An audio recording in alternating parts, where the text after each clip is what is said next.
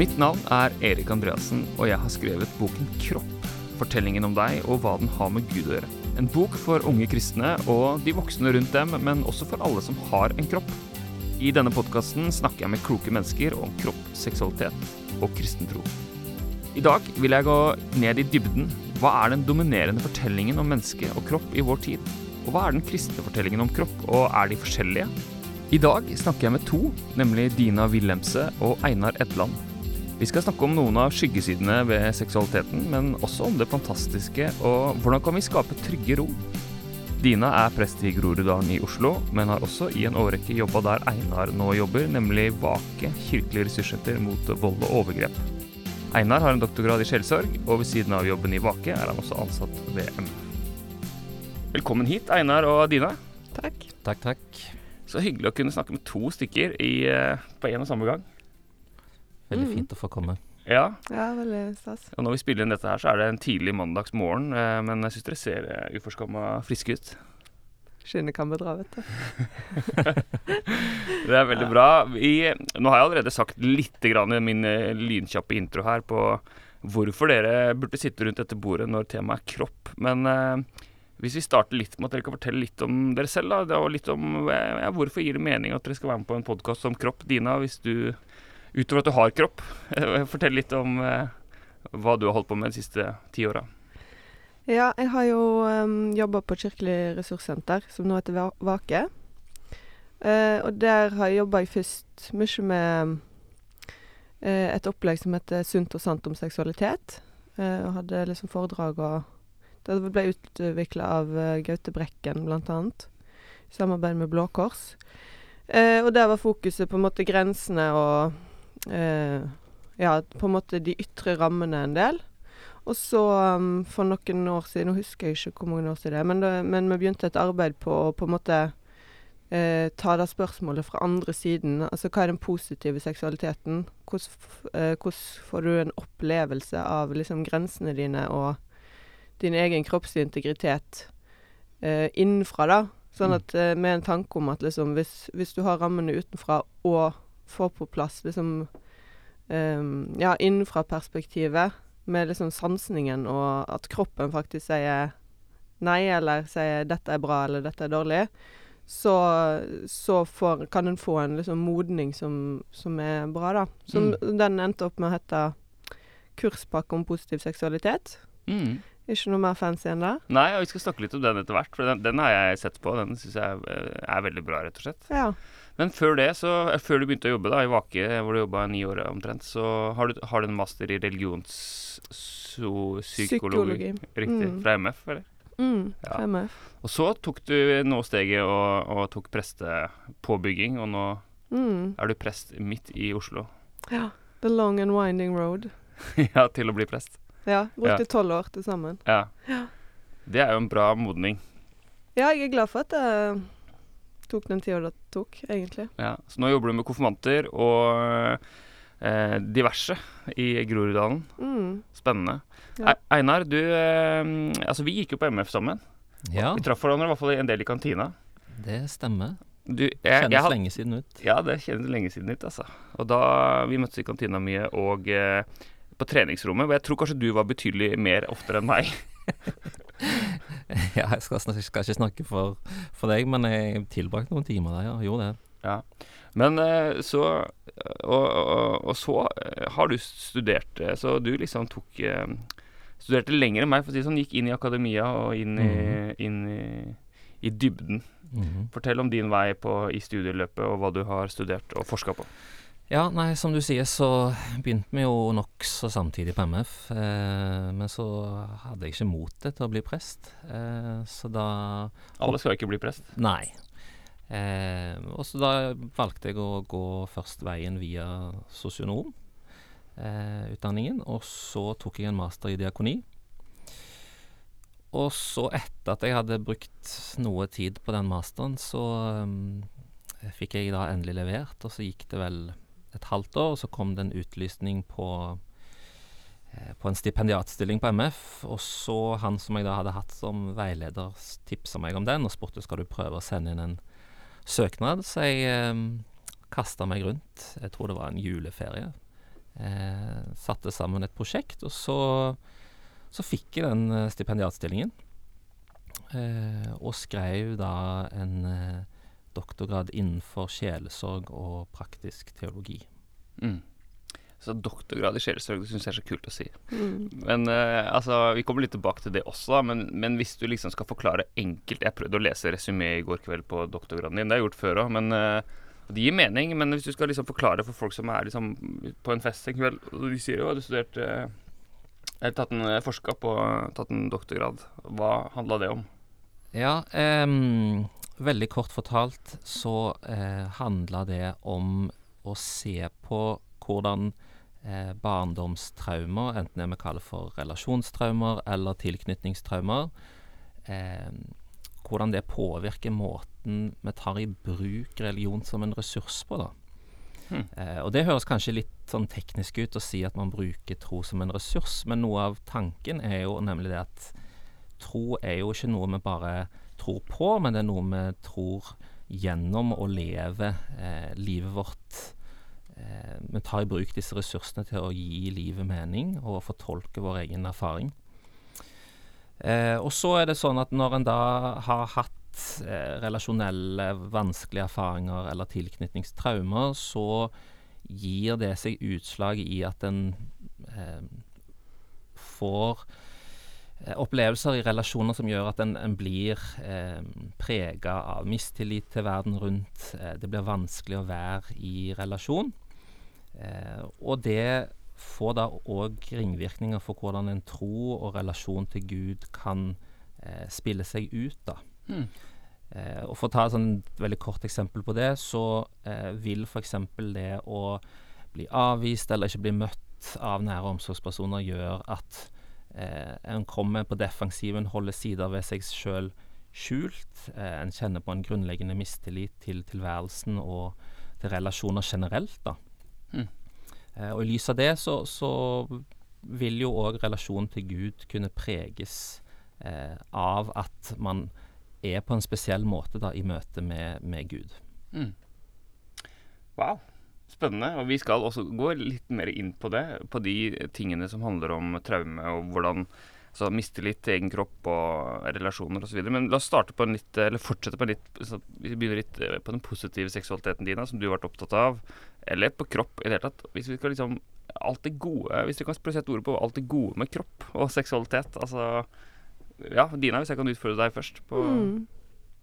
Ja, altså, jeg tenker jo litt sånn em, Grunnleggende så, så er jo kroppen setet vårt for liv, på en måte. Mm. All vår Det stedet der vi erfarer virkeligheten og erfarer oss sjøl og um, er i relasjoner og sanser, ikke sant. Tar inn verden og, og har en respons på den, gjerne. Uh, og så tenker jeg at um, seksualitet er jo sterk glede i kroppen, på en måte. Det er ikke På en måte er det ikke mer hokus pokus enn det, på en måte. Så det er jo en Nå lærte jeg nettopp på en eh, av Kari Halstensen, som er psykolog på Modum Bad, at opplevelsen av um, virkelighet er veldig sterkt knytta til uh, den emosjonelle intensiteten du opplever i øyeblikket. Sånn at mm. det, det som du kjenner på, uh, og det du får kontakt med i kroppen, er det som blir sant i din virkelighet, hvis du skjønner. Mm. Det korresponderer jo med det du òg sier, Einar, med at liksom mistilliten kan bygges ned av å ikke bli møtt. Mm. Men den kan òg eh, Altså, tilliten kan bygges opp gjennom gode møter, da. Og, um, og at den positive seksualiteten er Den er jo vi, ikke sant? Den, er, den handler jo ikke bare om liksom hva vi gjør med kjønnsorganene våre, eller, eller eh, liksom følelser som er eh, Som er lettere på en måte koble som seksuelle følelser. Men jeg tenker at det dypest sett handler om liksom all vår evne til kontakt, da. Mm. All vår evne til kontakt med oss sjøl og med, med andre. Mm.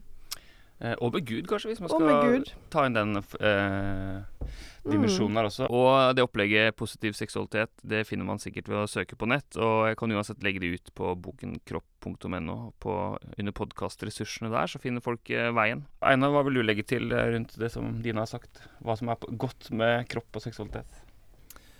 Nei, jeg syns jo Dina sier noe viktig i forhold til det å mm, plassere seksualiteten inn i en større sammenheng som handler om å være menneske, da.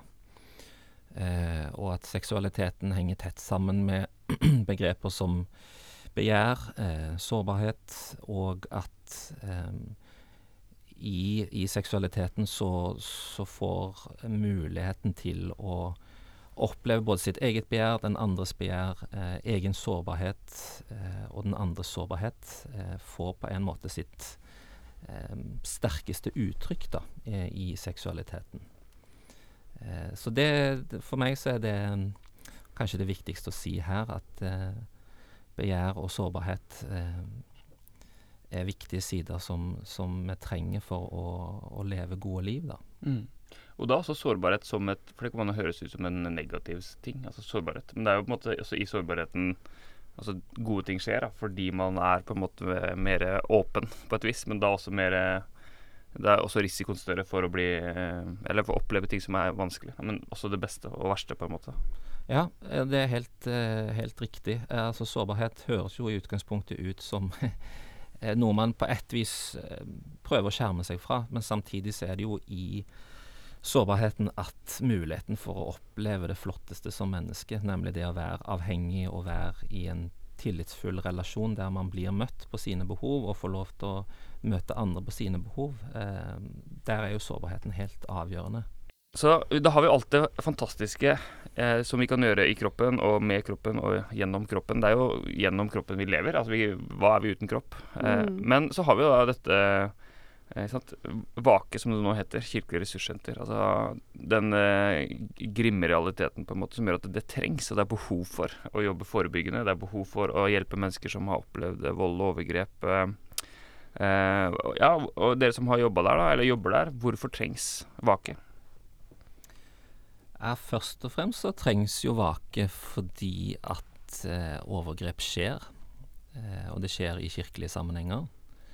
Eh, og eh, det Vake bidrar med, er jo å eh, synliggjøre eh, at det skjer, og konsekvensene av at det skjer. Fordi eh, det ligger på en måte i, i realiteten til overgrep at det er gjerne noe som holdes skjult, og det holdes skjult lenge, og det er ubehagelig å forholde seg til å snakke om for omgivelsene. Så vårt mandat er jo å sette dette på agendaen, eh, få et språk for det, få fokus på det. Eh, og så har vi jo en sånn handlingssetning da, som, ha, som, som, sier noe om at eh, en ser det ikke før en tror det. Eh, som jeg tenker er veldig viktig å få fram. Eh, og så vet vi jo at eh, omfanget av seksuelle overgrep og vold er jo forferdelig stor eh, i samfunnet. WHO definerer dette som, en, som et folkehelseproblem. Eh, blant kvinner så er det 10-20% som opplever en eller annen form for overgrep før de er fylt 18. hos menn så er det mellom 5 og 10 mm. Og vi har ikke tall spesifikt inn mot det kirkelige landskapet, men det er jo lite som tyder på at det er grunn til å tenke at det er så veldig mye annerledes der enn mm enn det er i samfunnet for øvrig, da, dessverre. Mm. mm. Jeg opplever at jeg hører litt ulike tall på det med, med det, eh, på liksom, hvem som opplever vold og overgrep. Men det handler kanskje om definisjonen av hvordan man altså, definerer de ulike tingene også? Ja, det, det, er riktig. Og det var derfor jeg nå la inn et slingringsmonn her, som er ganske mm. stort. Eh, fordi at ulike undersøkelser kommer fram til ulike svar. Mm. mm. mm. Eh, ja, Dina, hva, hva tenker du? Altså, et ja, jeg tenker jo at uh Altså, noe av det som er med, eh, med Kirkelig ressurssenter, er jo at det, det har den der um, teologiske og religiøse dimensjonen som ikke Fordi, fordi overgrep og krenkelser Da bryter en på dypt vann, altså. Mm. For da, blir jo hele virkelighetsspørsmålet veldig akutt, ikke sant? Mm. Altså først og fremst uh, kan jeg stole på den erfaringen at det skjedde? Kan jeg stole på min egen kropp når den kanskje gav respons som at jeg likte det som skjedde. Mm. Eh, kan jeg ha tillit til meg sjøl, på en måte, eller til, eh, til verden? At det, at det, ikke skal skje igjen. Og, og i, i, manges liv, eh, enten de er på en måte innenfor det kirkelige eller ikke. Eh, hvor er Gud i alt dette, eller hvem blir Gud hvis dette skjer meg, ikke sant. Mm. Det er jo inne ved det ondes problem, på en måte. Mm. Så da å gå inn og altså ha et senter som òg jobber med de eh, spirituelle eller, eller religiøse og teologiske sidene, og hos, Altså i hvordan overgrep rammer, tenker jeg er veldig viktig, da. Fordi da Det er det ikke så mye av ellers i samfunnet. Og da kan en trenge for å på en måte Altså for å um, komme tilbake til en ny helhet, da, så må jo alle sider ved, ved livssynet og alle sider ved ens egen erfarte virkelighet på en måte tas med Mm. og, og bearbeides, da.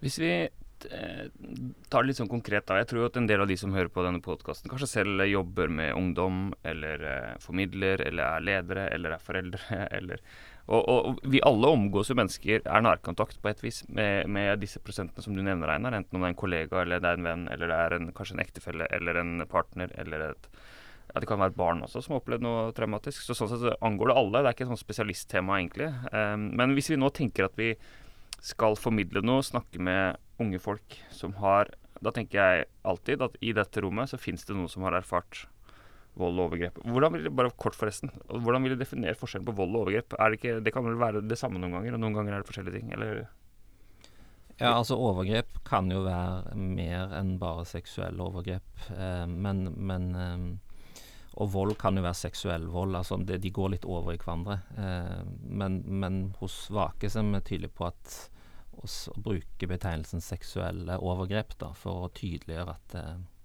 Mm. at det er det det handler om. Ja. Mm. Ja, Dina?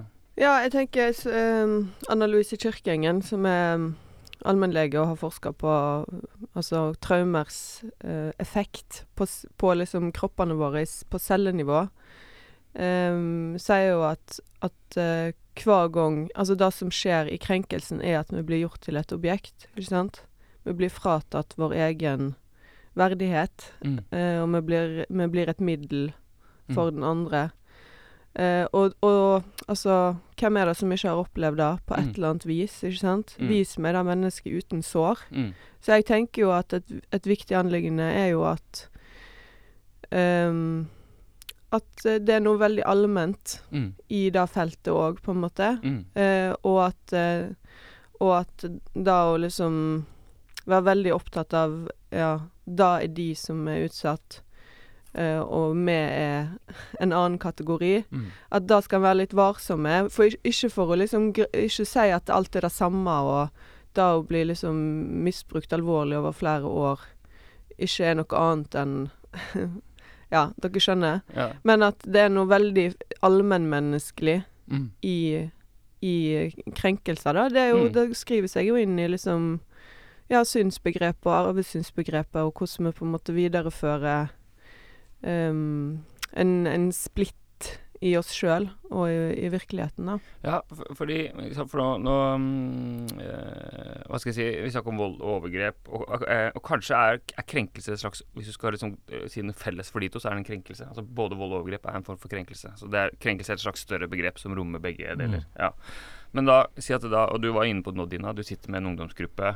Eh, der er det en allmenn erfaring av at livet har eh, sårbarhet. Eller, men hva, hva, hva tenker dere som eh, fagpersoner at man skal liksom hva, hva bør man formidle da, til denne ungdomsgruppa, hvor det sitter kanskje noen som har både opplevd eh, alvorlig misbruk, kanskje noen har opplevd krenkelser. Altså, Mm. gi oss deres beste liksom insights. Ja, jeg tenker jo at um, da å lage Da å lage rom som er trygge, og der en uh, kan være. At det har veldig mye å si. Altså noen, altså noen ganger skal en jo gå inn og på en måte Eller så er det riktig å gå inn og, og finne ut hva en kan gjøre, Mm. og på en måte åpne opp det rommet. Men jeg tenker at det skal være ganske forsiktig med. Da skal du ha på en måte veldig mye på plass før du før du går inn der. Fordi eh, det viktige spørsmålet er jo eh, hvem sitt behov dekker du, sant? Mm. Så en kan jo se liksom masse Hvis en begynner å se etter det og oppdager det, så ser en jo traumereaksjoner en masse hele tida, på en måte. Hva, hva, hva er en traumereaksjon? Nei, det er nervøsitet. Det er liksom at en, noen detter litt ut, kanskje. Det Mm. er ehm, Ja, engstelse eller Det kan være utrolig mange ting. Utagering. Mm. Så du ser i ungdomsgjengen at, det noen, at her er det mange ting som skjer, på en måte? Ja, og, og Mm. ikke bare der, på en måte, men, men da ehm, jeg, jeg tror det er bare det er så allment, da. Mm. Og ikke bare knytta til seksuelle overgrep, men, Mm. men til alle former for det, da. Mm. Men, men eh, da å lage liksom et, et trygt værested Mm. her, her er du i fellesskapet. Mm. Du detter litt ut av og til. Mm. OK. Og så ja, at en at en kanskje kan tematisere det. Og, og jeg tror at noe av det som er på en måte vansk... Jeg tror ikke det er vanskeligst for mennesker å skjønne at de gjør feil ting eller er syndige. Jeg tror det vanskelige er å innrømme vår gudbilledlighet. Mm. Og innrømme Eller ta til oss på en måte det voldsomme godheten med å komme med, ikke sant? Mm. Så bare liksom male på det. Da, da kommer du til å få opp de skyggesidene òg. Mm. Men da kan du takle det, for ballasten er at eh, du er god. Mm. Så det, det tenker jeg er liksom viktig inn i et uh, sånt arbeid. Da. Ja. Einar, hva vil du legge til?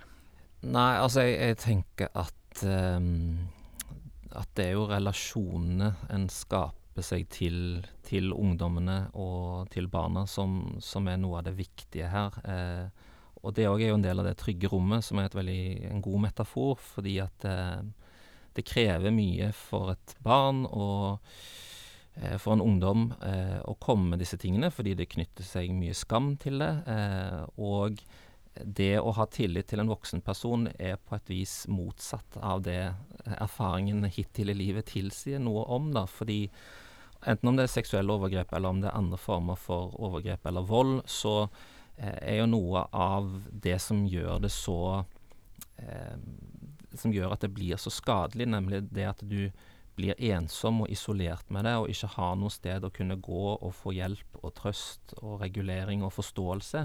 Eh, sånn at noe av det traumebegrepet inneholder, handler jo nettopp om at en blir sittende med det i, i fravær av et relasjonelt hjem, da. Mm.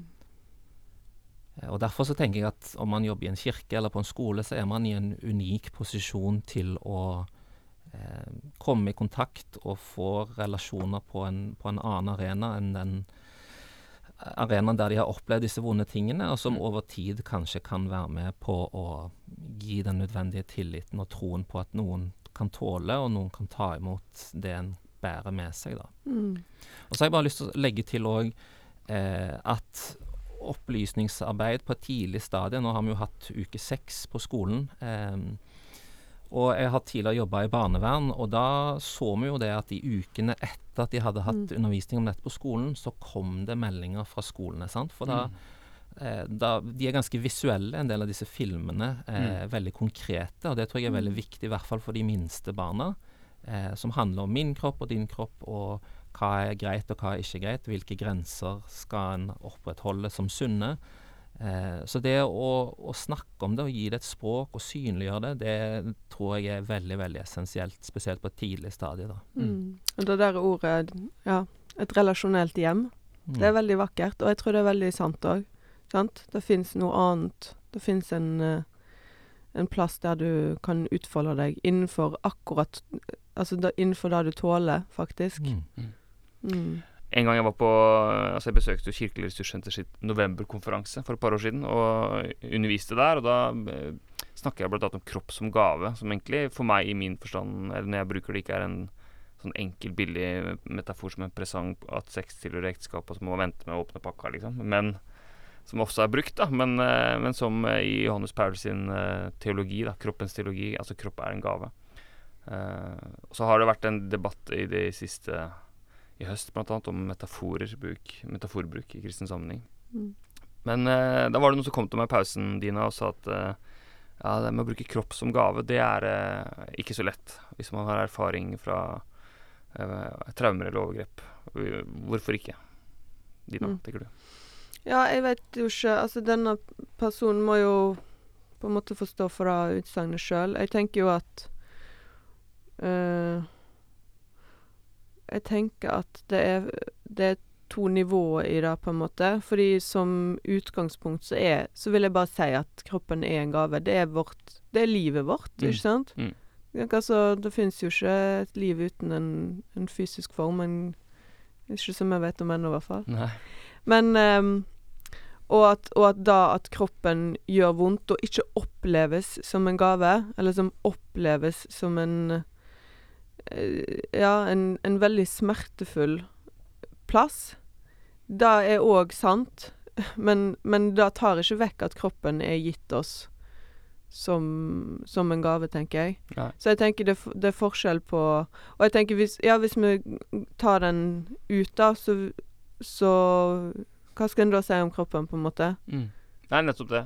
Jeg, jeg tenker jo at det, det kan brukes, men kanskje den har bevisstheten om hvordan det kan høres, da, for noen som har opplevd at kroppen ble tatt, på et vis. Jeg Ja. Einar, Ja, jeg tenker at uh, dette med metaforer og bilder er jo komplisert, uh, nettopp fordi at vi alle kommer fra et sted med våre egne erfaringer som gjør at det lander ulikt i oss. Og så samtidig så er spørsmålet skal en da la være, som Dina sier, hva er alternativet? Jeg tenker jo at det heller da handler om at man må, må gå i dialog eh, og lytte til disse fortellingene. sant? Mm. Og hva, hva betyr dette for deg? Eh, og så tenker jeg at det trenger jo ikke handle om at en skal slutte å si at kroppen er en gave, men det handler òg om å ta på alvor at for noen så, så oppleves dette veldig vanskelig. Mm. Mm. Ja, og kanskje at Altså, kan en møte det med nysgjerrighet? Hvordan treffer det, på en måte? Mm. Hva ville vært et godt bilde for deg, eventuelt? Ja. Hva Er det fordi en, en, altså kroppen som gave er at du skal gi deg vekk til hvem som Alle som byr, spør, på en ja. måte? Ja. Mm. Eller, eller hva er det som ligger der? Det er jo kjempeinteressant samtale, egentlig. Mm. Men da å liksom stoppe samtalen med å bare ehm, sette et stort rødt kryss over visse ord og begrep, da tenker jeg er litt sånn uh, en dårlig måte å komme videre på, da. Ja, så tenker jeg noen ganger som formidler så må man jo forenkle hvis man har eh, et kvarter skal si noe. Altså Da kan man liksom ikke dra bare liksom lange linjer og generelle begrep. Man må noen ganger bruke eksempler, da. Og da kan det jo få ulike Da blir det jo høres ulikt basert på folks ulike erfaringer. Det, men kanskje det å bare bruke en setning som er ja, i starten av formidlingen og si at Eller den bevisstheten om at her er vi Her har folk erfart ulike ting, og Mm. eh, derfor så vil kanskje budskapet høres ulikt ut, men kom og snakk med meg etterpå. Altså, Ja. ja, og språk er ikke Det er ikke et likhetstegn mellom språk og virkelighet. Nei, ikke sant? Og i en doktorgrad kan du jo nyansere i vei, men det kan en ikke alltid. Men, men en kan alltid fortsette samtalen, Ja. tenker jeg. Eh, og da kan folk bli, bli mer bevisst sitt eget ståsted. Hva treffer det? Hvorfor Mm. treffer det sånn? Hva er, hva er det min historie her? Mm. Så det, blir, det kan jo bli en gjensidig fordypning, på en måte. Ja. Så ja.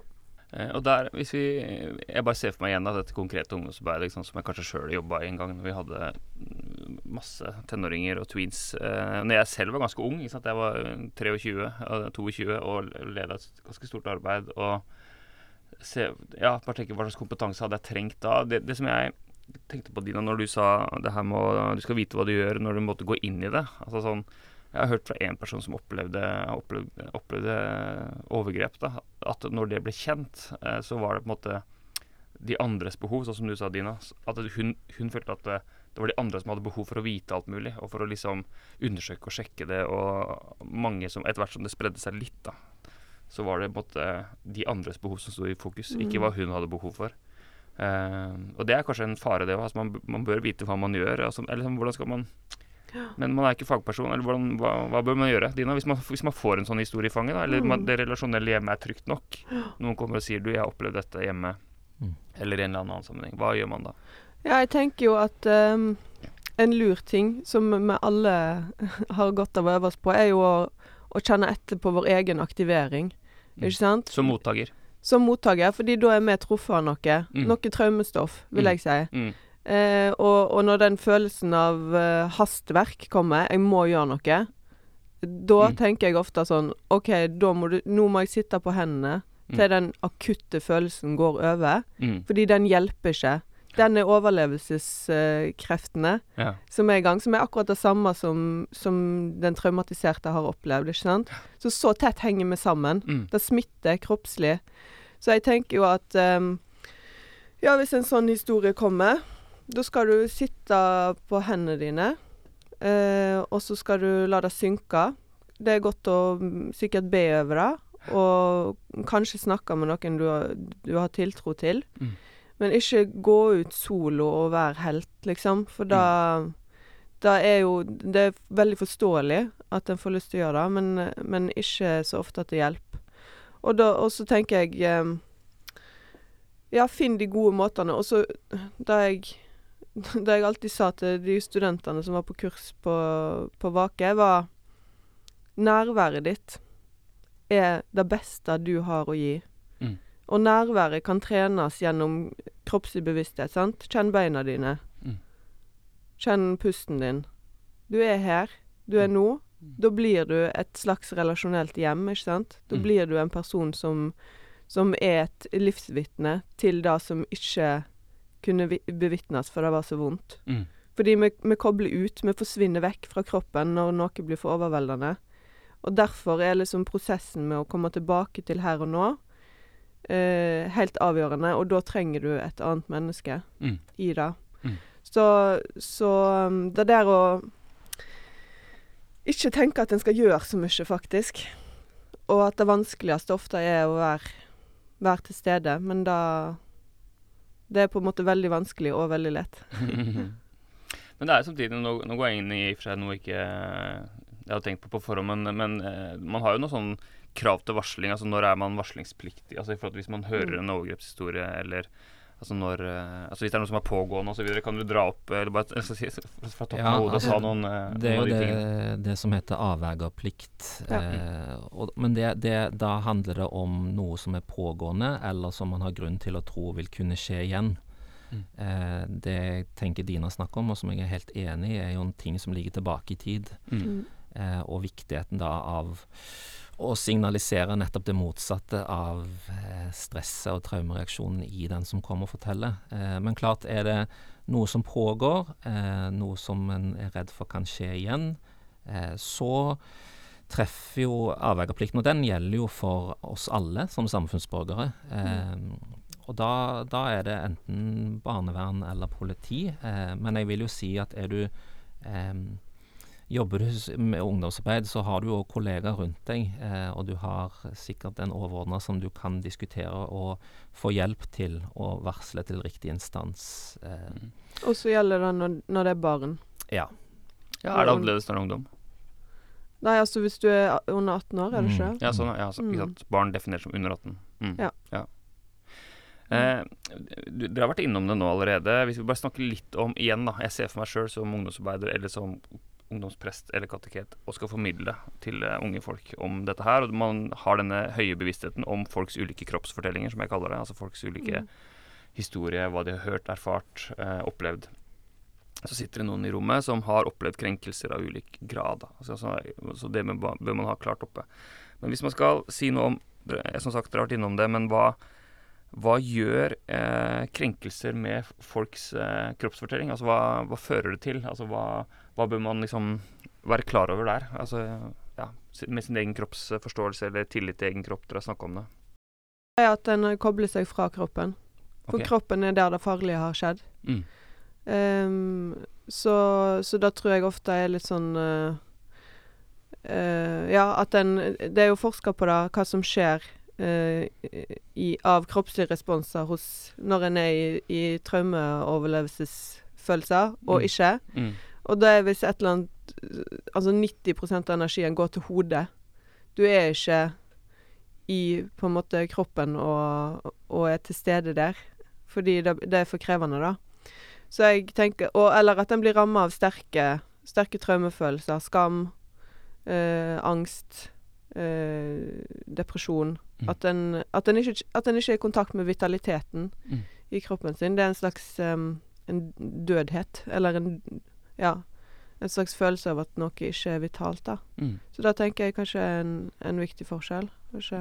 Ja, jeg, jeg sitter og tenker på at um, det er jo noe veldig sånn dypt eksistensielt ved at kroppen er er kilde til både det gode, men òg blir da en kilde til det vonde. For de vonde erfaringene lagres jo i, i kroppen, eh, Mm. og det gjør det jo veldig krevende eh, å skulle forholde seg til sin egen kropp. Eh, og som Dina sier, så gjør jo det at en da har et behov for å på et vis tre ut av kroppen. Eh, og så blir jo konsekvensen dessverre den da at eh, en ikke bare kvitter seg med kontakten med det, med det som er vondt, men òg med det som er godt. Sånn at det Mm. blir, eh, det blir en tilværelse og et, som blir veldig grå, da, fordi at en det er bedre å ikke være til stede og slippe å kjenne på, på, på det vonde, enn å skulle forholde seg til den kompleksiteten med å manøvrere mellom det gode og det vonde da, i sin egen kropp. Mm.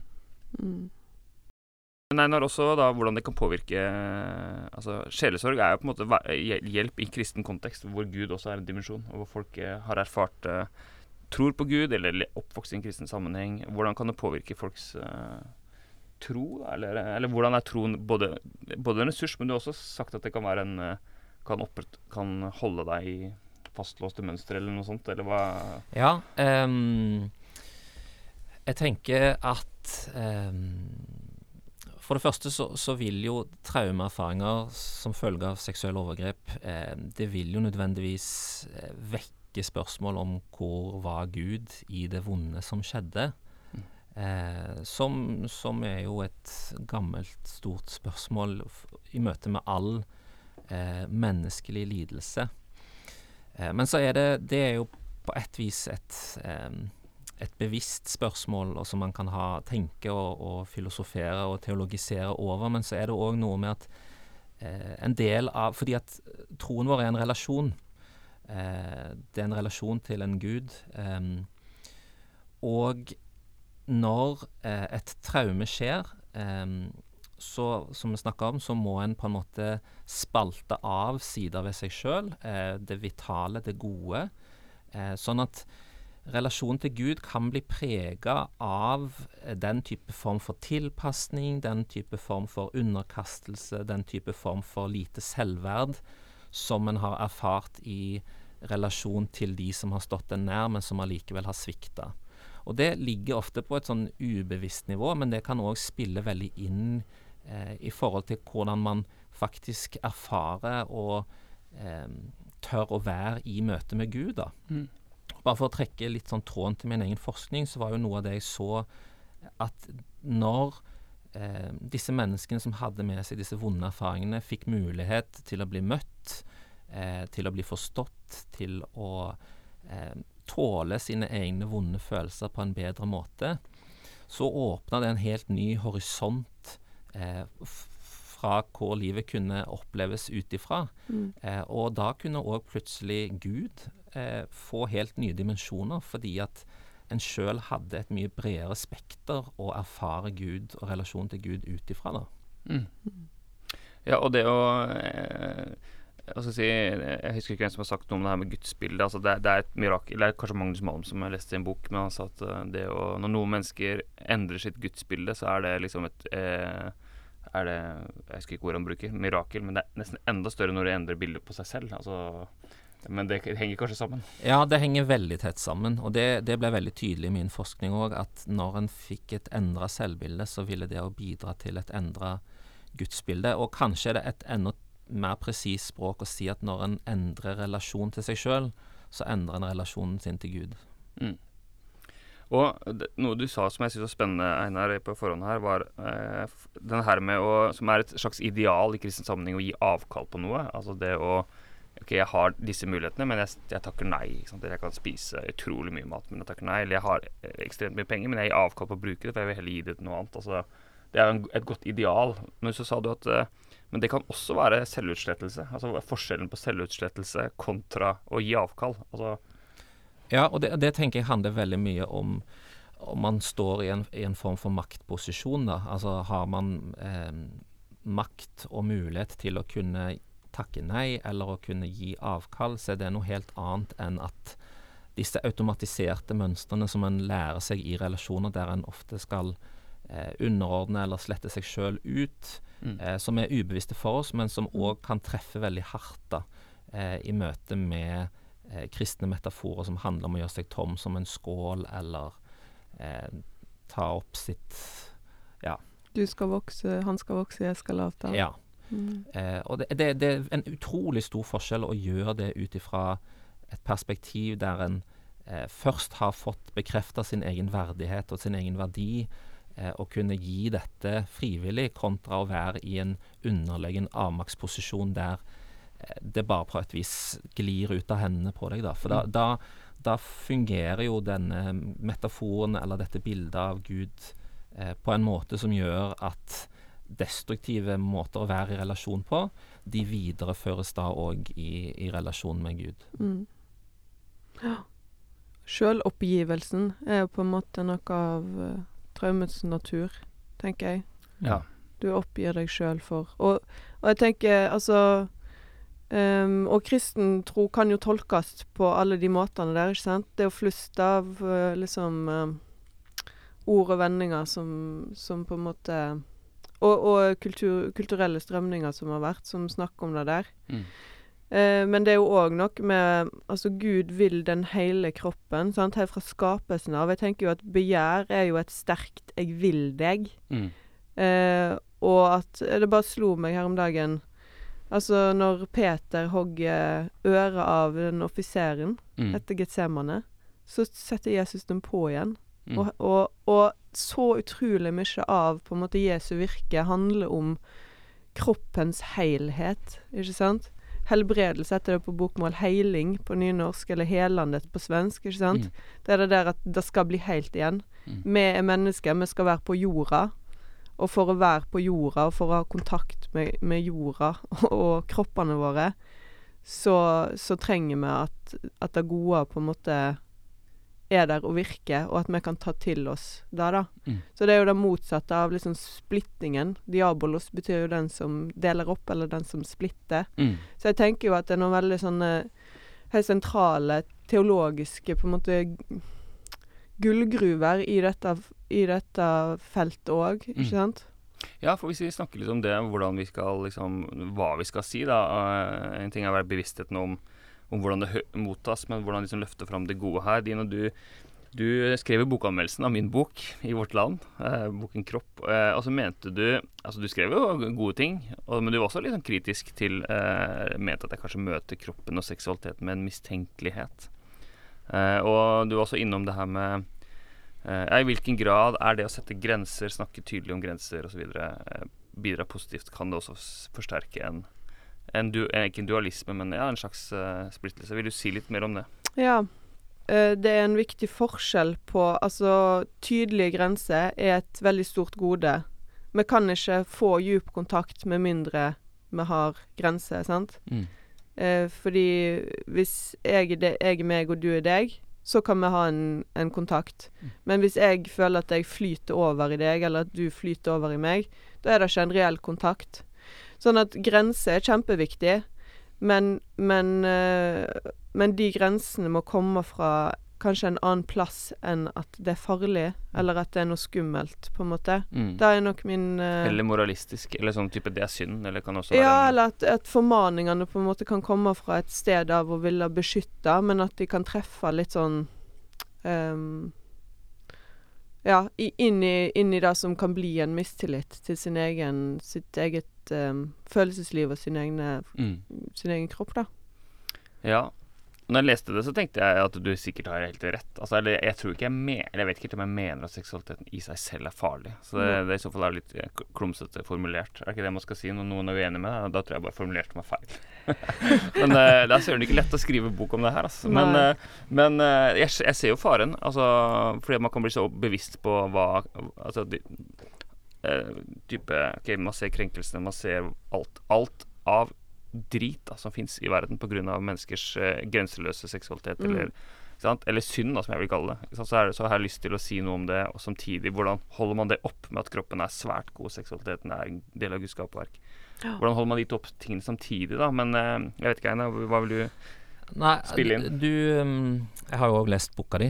Um, og jeg, jeg tenker at eh, du er jo opptatt av, som jeg er helt enig i, eh, om å si noe om eh, at seksualitet er en integrert del av det å være menneske, og den er der fra spedbarns alder. Det er ikke noe som dukker opp når man fyller 13.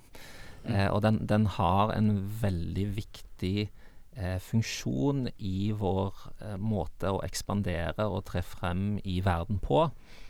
Eh, så er utfordringen at når en skal snakke om seksualitet, så blir det allikevel Opplever jeg da eh, noen ganger som at man løsriver det fra denne integrerte helheten likevel. Eh, og i alle fall når en sier at seksualkraften i seg sjøl kan være farlig. Eh, mm. Fordi jeg tenker at hvis man skal ta på alvor at seksualitet er en integrert del av det å være menneske, så må vi sette det inn i en sammenheng der eh, en snakker om de gode rammene og de gode grensene for det gode liv, så må det å være menneske. Eh, man må gi et eh, kvalifisert og kvalitativt språk til hva som kjennetegner det gode liv. Eh, hvilke grenser som er nødvendig for at mennesket skal oppleve frihet.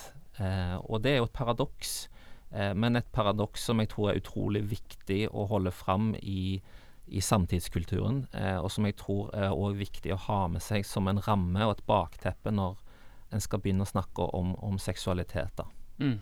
Ja, og i forlengelsen av det så tenker jeg jo at eh, Altså da å Jeg tror noe av det som er den kjempestore utfordringen òg i liksom Ja, samtidskultur der krenkelser begås som i stor skala, og der en får beskjed om at veldig mye er greit, og mye Altså at en går over sine egne grenser i tanken om at det skal føre til noe, ikke sant? Mm. Noe bra. Mm. Så er jo eh, et gjennomgangstema, sånn som jeg ser det, er jo at en har ikke kontakt med sin egen kropp. Mm. En har ikke kontakt med sin egen grense fordi en ikke har lært det. Fordi en ikke har eh, erfart Ja, hvordan er det når kroppen sier stopp, egentlig? Mm. Hvordan det Hvordan kjennes det i magen? Mm. Hvordan kjennes det i brystet?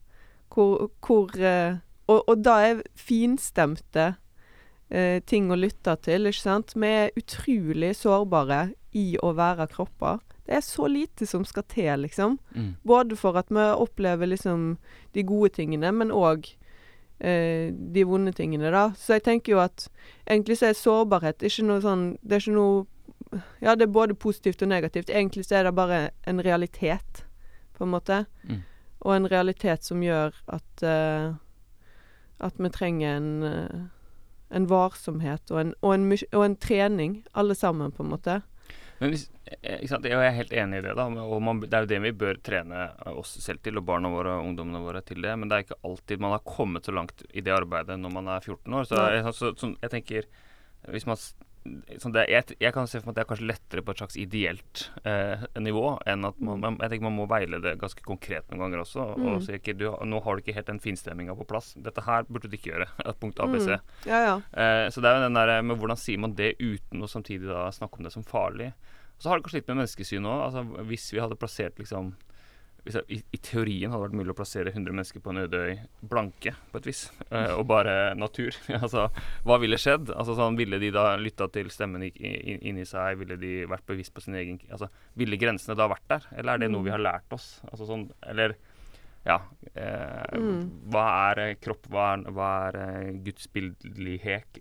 Gudsbilledlighet? Hva er det dyriske Ja, eh, hva er altså, kultur? Hva er kultur? Altså, alt dette er, en ganske sånn eh, Det er en ganske sånn Vanskelig å skille alt ifra hverandre, da. Ja. Og jeg tenker jo at da å liksom opplyse om hva som faktisk er lov og ikke lov, mm. er jo veldig Hva er straffbart, hva er ikke straffbart? Hva, litt sånn som en kanskje gjør i uke seks, da, uten at jeg har fulgt så veldig med på det, men liksom dette er ikke lov. Mm. Dette har ikke noen lov å gjøre med deg, mm. og du har heller ikke lov å gjøre det med andre. Det er bare en tydelighet i det som jeg tenker at ikke sier noe om det farlige heller, eh, nødvendigvis. Men, men, med en gang en på en måte skal si noe om hvordan reaksjonene blir på vegne av de andre, så kan en nærme seg det. Mm. Eh, fordi folk Vi erfarer jo ting så forskjellig òg, ikke sant? Det er noen veldig sånn sentrale allmennmenneskelige ting. Og så er det den helt individuelle kroppsfortellingen mm. som uh, Ja. Så det er jo ei nøtt. Ja, det er en nøtt. Vi, og Derfor har du vært med i Vake. Vi, vi refererte til i stad dette kursopplegget Positiv seksualitet, som jeg syns var kjempebra når jeg leste gjennom det. Hva ville dere med det, Dina? Nei, Da ville vi jo konkretisere det. sant? Vi ville jo konkretisere hvordan en øver seg på å være til stede i egen kropp i fellesskapet. Mm. Og med da bygge kulturer der, der det eh, blir mer av, ikke sant? Og der, som kan være motvekt til kanskje andre ting, da. Um, så der er det jo veldig sånn konkrete tips. Prøv dette. Kjenn etter. Hvordan føles det i kroppen? Mm. Eh, og da, det er jo ofte Sant? Det er jo litt sånn hårete mål. De skal Ja. Det er jo litt Det er jo på en måte idealistisk, men det er òg noe med at det kan øves inn, da. Det må gjøres flere ganger, gjerne, eller Det kan være en sånn Men det, det kan gi en kroppslig erfaring, ikke bare et mentalt minne. Mm. Fordi Ja, vi ja, er- husker med kroppene våre. Ja, for det er rett og slett konkrete øvelser man kan gjøre, for eksempel. Nå er det står det vel kurspakke for unge ledere, tror jeg, men det er, Mm. det er rett og slett eh, øvelser man kan gjøre med en gruppe, hvor de skal bli bevisst sin egen kropp osv. De Mm. kan mm. altså Stoppøvelsen har kanskje mange vært borti. Den eh, er lagt til noen element. Det er liksom uh, Legg en uh, Legg et tau i en sirkel rundt deg, og merk hvordan det er når andre kommer nærme. Gjør den sirkelen mindre, gjør den sirkelen større. Er det en forskjell? Hvordan opplever du deg sjøl? Fordi når vi, når vi f.eks. står tett på bussen, så har vi automatisk objektivisert de andre. Det blir for mye å ta inn Mm. at de er et helt menneske ved siden av oss. ikke sant? Det blir Mm. for mye for systemet vårt. Sånn at en trenger en viss avstand for å oppleve seg sjøl, ikke sant. Mm. Så, så de øvelsene handler veldig mye om det. Mm. Og at sjøltillit òg bygges ut fra, fra å være hjemme i sin egen kropp, da. Eller heime, som jeg egentlig sier. Mm. Ja. Einar, du også er med på et kursopplegg nå som jeg så om her, som Vake arrangerer, eller skal arrangere, jeg vet ikke, iallfall en, en samtalegruppe for eh, unge menn, var det det? Ja. Eh, vi har en ambisjon om å sette i gang et eh, kurs m, som handler om tro eh, og seksualitet for menn. Mm. Hvorfor er det behov for det?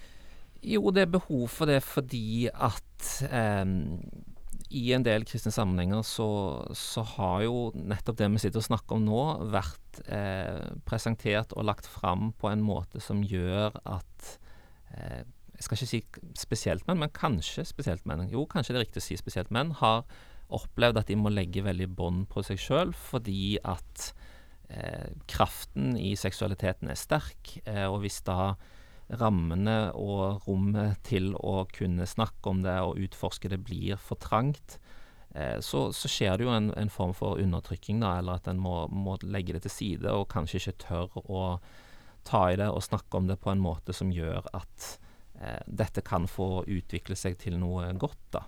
Eh, så det vi ønsker, er å få på plass en arena eh, der det skal skapes et rom for å nettopp kunne snakke om disse tingene.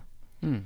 Hva vil det si å være mann eh, med en seksualitet eh, i rammen av, av kristen tro, da? Mm. Mm. Kraften i seksualiteten er sterk, sa du, så det, det noterer jeg meg istedenfor farlig. Så Men det er kanskje Ja, så er spørsmålet når, når er den sterk, og når er den farlig, eller hva- og så videre. Det er, det er finstemt. Det er nyanser. Men hvis vi nå på slutten nå snakker litt om ehm, eh, jeg si, håpsdimensjonen her, fordi at mange som har erfart eh, krenkelser, overgrep, går det jo veldig bra med. Altså klart, det er, det er noe man bærer med seg hele livet. Og det er ikke noe til å legge skjul på heller at det preger menneskers seksualitet, menneskers erfaring, menneskers møte med andre.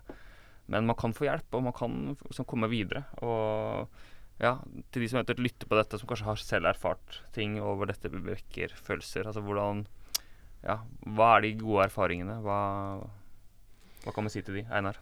jo ehm, Jeg vil si det at uh, i en sånn Nå har jo jeg brukt ordet relasjon veldig mange ganger, og det er fordi at jeg er opptatt av en relasjonell tilnærming til denne type erfaringer. Og jeg tenker at eh, ting som har blitt ødelagt og blitt vanskelig og, og vondt i relasjoner, det må på en eller annen måte gjenopprettes i nye relasjonelle sammenhenger og, og nye erfaringer.